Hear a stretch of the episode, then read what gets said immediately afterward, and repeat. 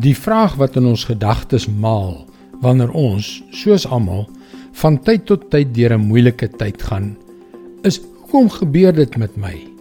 Hoekom gebeur dit? Hallo, ek is Jockey Gouchee vir Bernie Diamond en welkom weer by Vars. Lyding is 'n universele deel van 'n mens se lewe.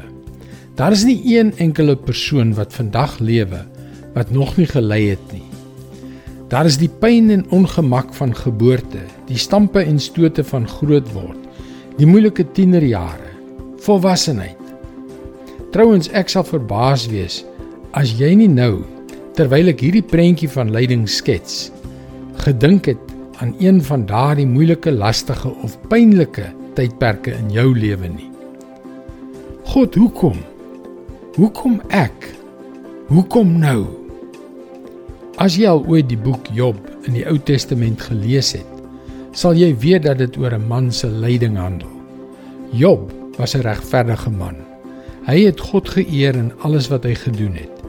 En tog het God hom verskriklik laat ly.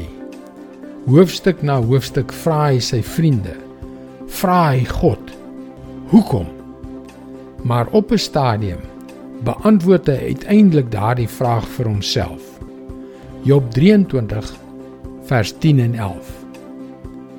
Maar hy weet waarheen ek gaan.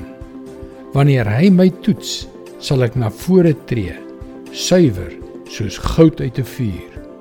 Want ek het op sy paaie gebly en hom gevolg sonder om weg te draai. Dit kom daarop neer dat alhoewel Job vir God geken het, al het hy sy lewe geleef soos God wou hê hy moes, En al het hy nooit opgehou om God te volg nie, was die Here besig om hom te toets. Wanneer ons deur 'n moeilike tyd gaan, toets God ons geloof in hom. Hy toets hoe opreg ons begeerte is om hom ten spyte van ons omstandighede bo alles te eer. Dis sy woord vars vir jou vandag. Dit help om te sien dat God besig is om jou te vorm en om jou sy perspektief te gee. Vra hom om deur jou tyd van lyding jou geloof te versterk. Ons sal baie graag saam met jou bid. Gaan gerus na powerfulprayer.org om jou gebedsversoek te deel. Mooi loop en luister weer môre na jou gunstelingstasie.